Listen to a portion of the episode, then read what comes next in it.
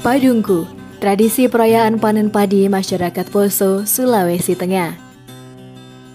Indonesia adalah negara yang kaya, memiliki keanekaragaman hayati dan sumber daya alam, serta kaya akan budaya dan tradisi. Sejak dahulu kala hingga kini, budaya dan tradisi leluhur terus lestari dan eksis. Indonesia sangat kaya dengan adat istiadatnya di setiap daerah dan terkenal di seluruh penjuru dunia. Tak terkecuali Sulawesi Tengah terletak tepat di tengah-tengah Pulau Sulawesi. Sulawesi Tengah yang menyimpan sejuta keindahan bukan hanya alam, tetapi juga budaya dan tradisi kearifan lokal masyarakatnya yang juga sangat menarik. Satu di antara banyaknya budaya masyarakat Sulawesi Tengah yang masih terus dilestarikan hingga saat ini adalah Padungku. Perayaan Padungku biasanya diadakan oleh masyarakat di Kabupaten Poso, Tojo, Nauna, dan Morowali Utara. Kata Padungku secara harfiah berasal dari bahasa Pamona yang berarti semua sudah rapi, sudah tuntas. Padungku berarti padi sudah dilumbung, alat pembajak sudah dibersihkan dan disimpan di kolong rumah, serta semua rangkaian panen padi sudah selesai, maka seluruh petani di desa atau kampung mulai bersiap mengadakan pesta bersama Mau Padungku. Kebudayaan ini berasal dari nenek moyang suku Pamona yang mayoritas berada di Kabupaten Poso.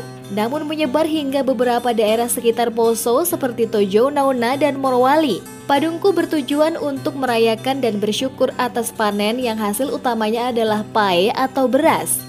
Melalui padungku terlihat nilai-nilai gotong royong dan persaudaraan sangat terasa erat.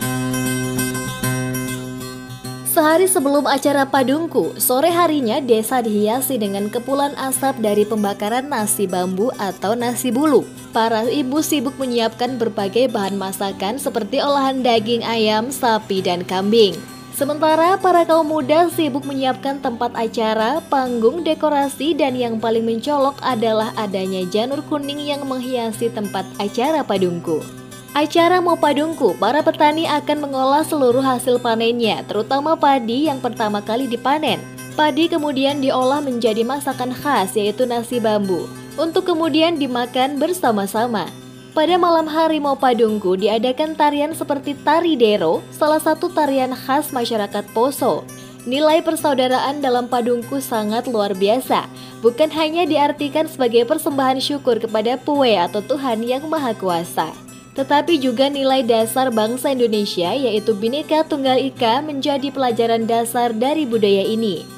Semua masyarakat dapat merasakan makan dalam satu dulang atau baki, meninggal segala macam perbedaan yang ada, hidup dalam kerukunan dan berbahagia.